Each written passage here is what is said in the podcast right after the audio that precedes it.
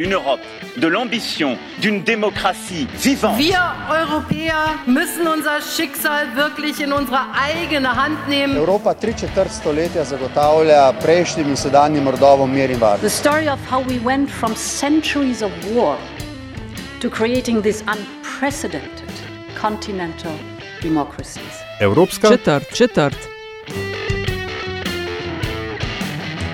United we stand, divided we fall.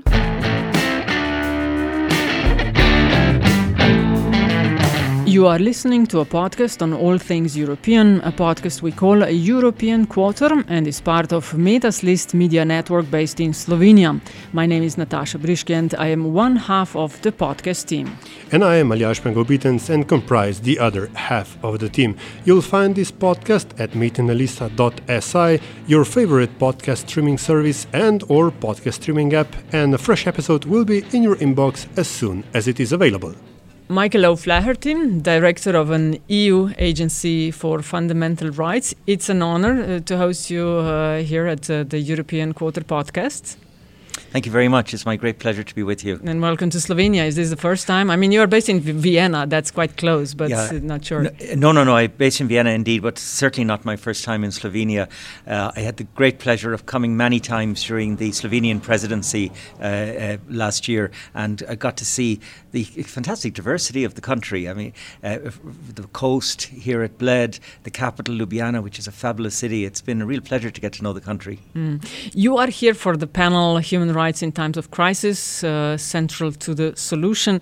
Uh, before we go deeper into that, the agency uh, that you are leading uh, does a lot of analysis, a lot of surveys, uh, and you occupy the office since 2015. Could you tell us a bit to start with the state of human rights today, in your view? Yeah, it's um, it's a very mixed picture. Um, you should always start by acknowledging the extraordinary achievement. Uh, look at what we've built up in Europe. It's so embedded that we don't even notice it. The European Court of Human Rights, the European Convention of Human Rights, uh, the basic freedoms we all take for granted, uh, the guarantees in our constitutions. That's all a human rights story. So uh, uh, we should begin by, by, by, by acknowledging that probably we have the best human rights protection system in the world. But it's very shaky at the moment.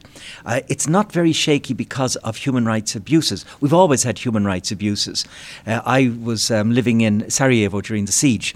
Um, I mean, I, I, I'm, I'm not a Sarajevan, but I, I saw with my own eyes what humans can do to humans, and it's never been any different. And we're going to face abuses into the future.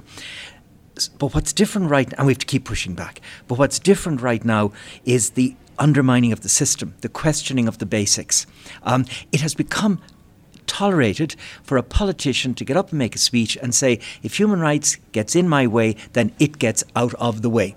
If that treaty doesn't let us do whatever, then we're going to walk away from that treaty. That's new and that's very scary.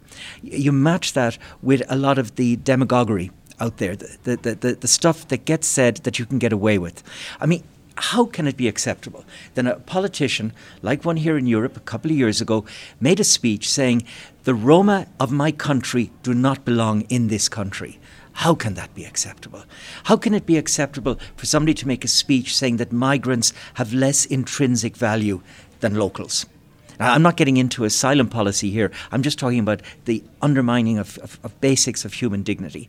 So that's where we are right now, and we have to resist it very, very hard. Um, the, the, there is some resistance. Um, it's not all bleak. Uh, we have, for instance, in the EU, incrementally strengthened the mechanism uh, to insist on respect for rule of law. That's good. That's an achievement, and it's more than people acknowledge. But now that's got to be consistently applied. Uh, and so, if you were to ask me what's my single big message halfway through 2022, it's that we need strong, principled political leadership to deliver on the laws and on the commitments and on all of the achievements. I'll go out on a limb here and say that taking fundamental rights for granted is the operative phrase here. The, the, if you say, uh, if you'll allow me, the root of, of our current problems. Uh, the fact that we've taken them for granted and haven't really thought about them, as you've so succinctly explained, uh, is the fact that we need an EU agency for fundamental rights failure on our part, or is it some sort of a progress Yeah. regardless? No, let, let me start at the end of your, your comment. It's not a failure at all. Um, every country these days recognizes that to be to, to stand up for human rights, it needs its own national human rights body that's not in the uh, uh, civil society, that's not in the government, that somehow sits apart. So-called national human rights commissions, and the Fundamental Rights Agency serves something similar of a purpose for the European Union. So even if everything was going really well, you would still get great value from such a body that generates the evidence, points the directions, um, uh, uh, creates bridges between people and, and, and the power and the executive, all that sort of thing. But um, this business of us taking human rights for granted, yes. Let me take. Let's get very concrete because human rights is a bit abstract. Uh, look at the, the, the, the, the Holocaust. Um, this this single most awful atrocity probably in history ever perpetrated on our continent. Um, and while there were thousands of Holocaust survivors alive and speaking, we had a very high awareness uh, of the, the Holocaust, uh, of the need to put strong systems in place to resist genocide and to resist the, the, the evil pathway towards such crimes. Um, but today, uh, when it's just a matter of fact, there are very few Holocaust survivors left. Uh, people who work in this area are saying it's really difficult to get the message across. It's really different, difficult to explain to children uh, how, how, how fragile our, our, our world is and how easily it can slip away. So it's the same for human rights. Human rights was created back in the 1940s, the modern human rights system, out of the horrors of the Second World War. Uh, That, that, that, visceral sense of why we're doing it is, is, is, is much harder to bring across today. And we who work for human rights, by the way, uh, I'm not going to keep just blaming somebody else, we have to do a much better job. Uh, we have to do a far better job of saying why it matters, why the human rights way is actually a better way for society. Um, knock the myths on the head. There's, you know, I've been doing this work for a long time now, and, and, and the myths uh, seem to never change. Like, more human rights means less security. More human rights means less um, economic prosperity. It's utter nonsense, but we don't, we've not done a good enough job of resisting it. Uh, more human rights means better security because it means you don't alienate people with your security initiatives. You don't radicalize because of the way your security initiatives uh, tyrannize somebody's mother or father. Um, thank goodness now there's a debate in the business world that more human rights could mean a, a, a, a, more thriving economy. We have a long way to go, by the way. That's not embedded by any means at the heart yet, uh, but it's a recognition that it isn't some kind of zero-sum game. But we need to we need to, to use the same word. We need to up our own game uh, in, in in promoting these messages. On the fundamental rights and the war in Ukraine, uh, the war, the Russian aggression consumes a large part of uh, Bled Strategic Forum, and justly so. Yeah. Uh, now, millions have fled Ukraine, and you follow uh, how people are being, your office follows how people are being treated coming Yeah. to the EU. Uh, so, I was wondering uh, uh, what are your findings so far, the experiences of these people? Yeah. Um, it's it's a rapidly changing story. So what I would say about now is radically different to what I would say about even two months ago and what I would say about last March. Um, but but overall, I'd have to say we should start by acknowledging extraordinary generosity um, from people, just regular people living uh, in their homes, invi- inviting people in to stay with them, and generally just conceding that, okay, we're going to have higher fuel costs, but the price is worth it because we're standing up for Ukraine. Uh, I find that very impressive. It's one of those reminders we keep getting that values values are embedded in our in our populations.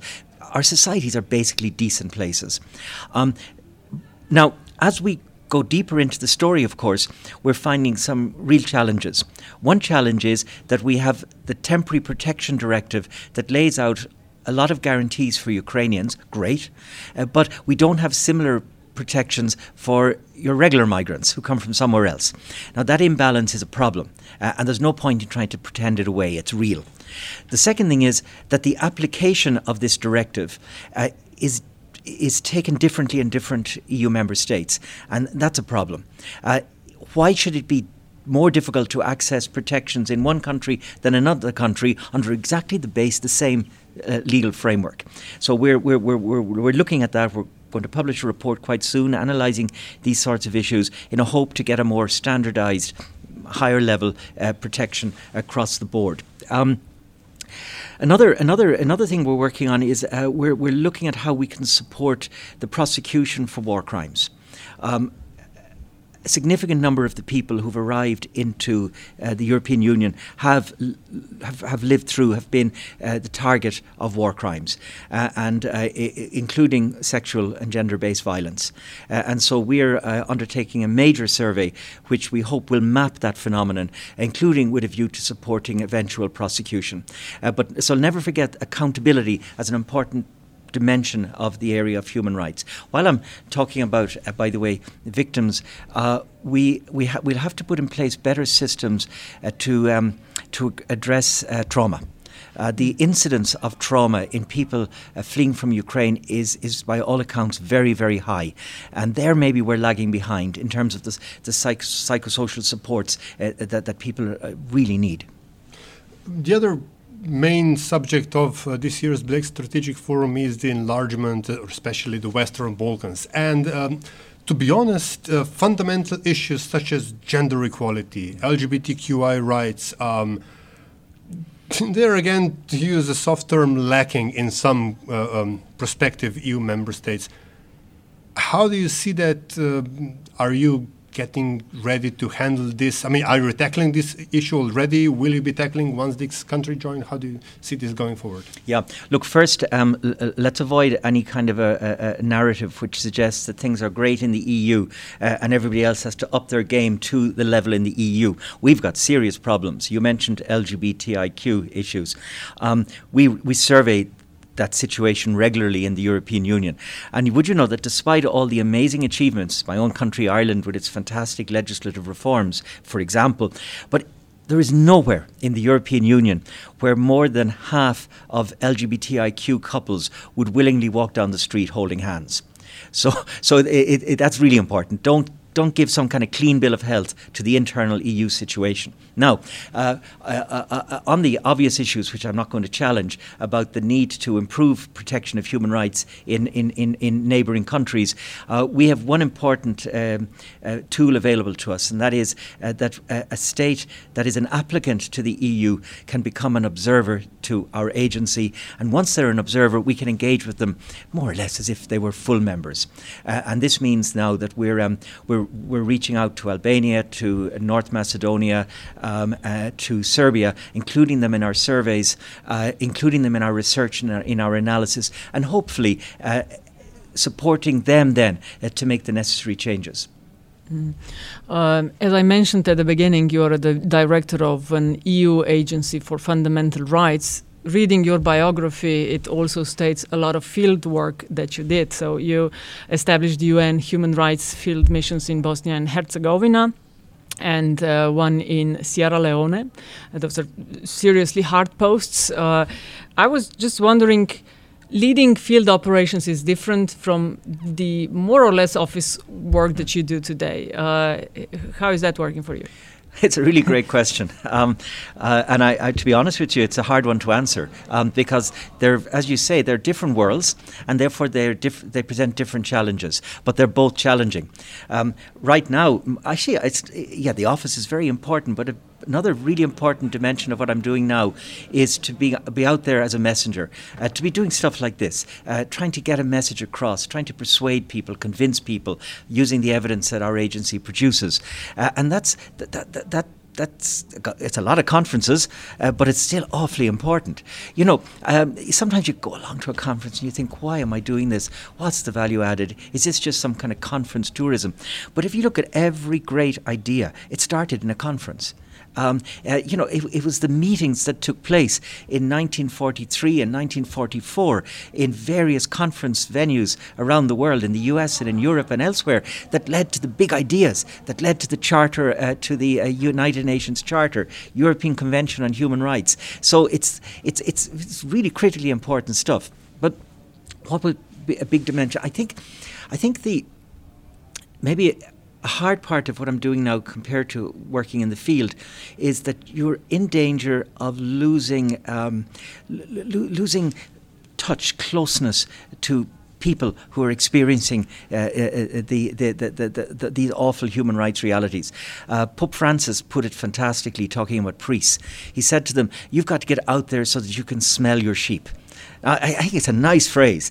Uh, I, and I used it once, and people had no idea what I was talking about in the human rights context. We've got to also smell the sheep. We've got to be in the middle, the beating heart of our communities and our societies. That's why I'm always encouraging my colleagues get out there, get out to villages. I get angry about the situation of Roma because of the day a couple of years back, I was in a small village, and a Roma woman invited me into her home, and she kept apologizing. She apologized for the lack of paint. She apologized for the lack of a toilet. She apologized for the fact the windows were broken. She apologized that the place was cold. And I got so angry. Not with her. I got so angry with our society that she, this, this this this person has had all this deprivation targeted at her that she feels she has to apologise for our failures. But I, am not sure I'd have that anger if I hadn't been in her house that day. So whether we have field-based jobs or headquarters-based jobs, we've got to we've got to never lose touch with the people we're working for. Um, you mentioned at the beginning that uh, now, despite everything we've said, that uh, EU still provides the best framework for human rights protection globally, as far as I, I understood you. Well, not quite, but I'll, okay. I'll come back to it when okay. you're finished. But uh, the competition, I, I mean, then to be honest, it's not a really high bar to clear because we have state control in, uh, in Eastern uh, Asia. I mean, like the yeah. Chinese surveillance society. Um, you know, some people would say that the United States it's not really a paravan of, of, of human rights protection, at least on the individual level. Um, but those are strong competitors globally. I mean, is the method, the, the, the, the model that the EU is pursuing sustainable in the long term? Okay. Well, first, let me nuance what I said. Um, what, I, what I meant to say was that this region has the best human rights protection system in the world because it has at least three layers, maybe four, depending on how you count. There's the United Nations layer. We're members of the UN, so we have the benefit of the UN human rights system. Uh, we're members of the Council of Europe. We have the benefits of that and the European Court of Human Rights. On top of that, then the OSCE, don't forget it, and on top of that, then the EU. And it's that combination uh, that gives us such a strong r- human rights regime uh, in this corner of the world, um, albeit we still have a long way to go.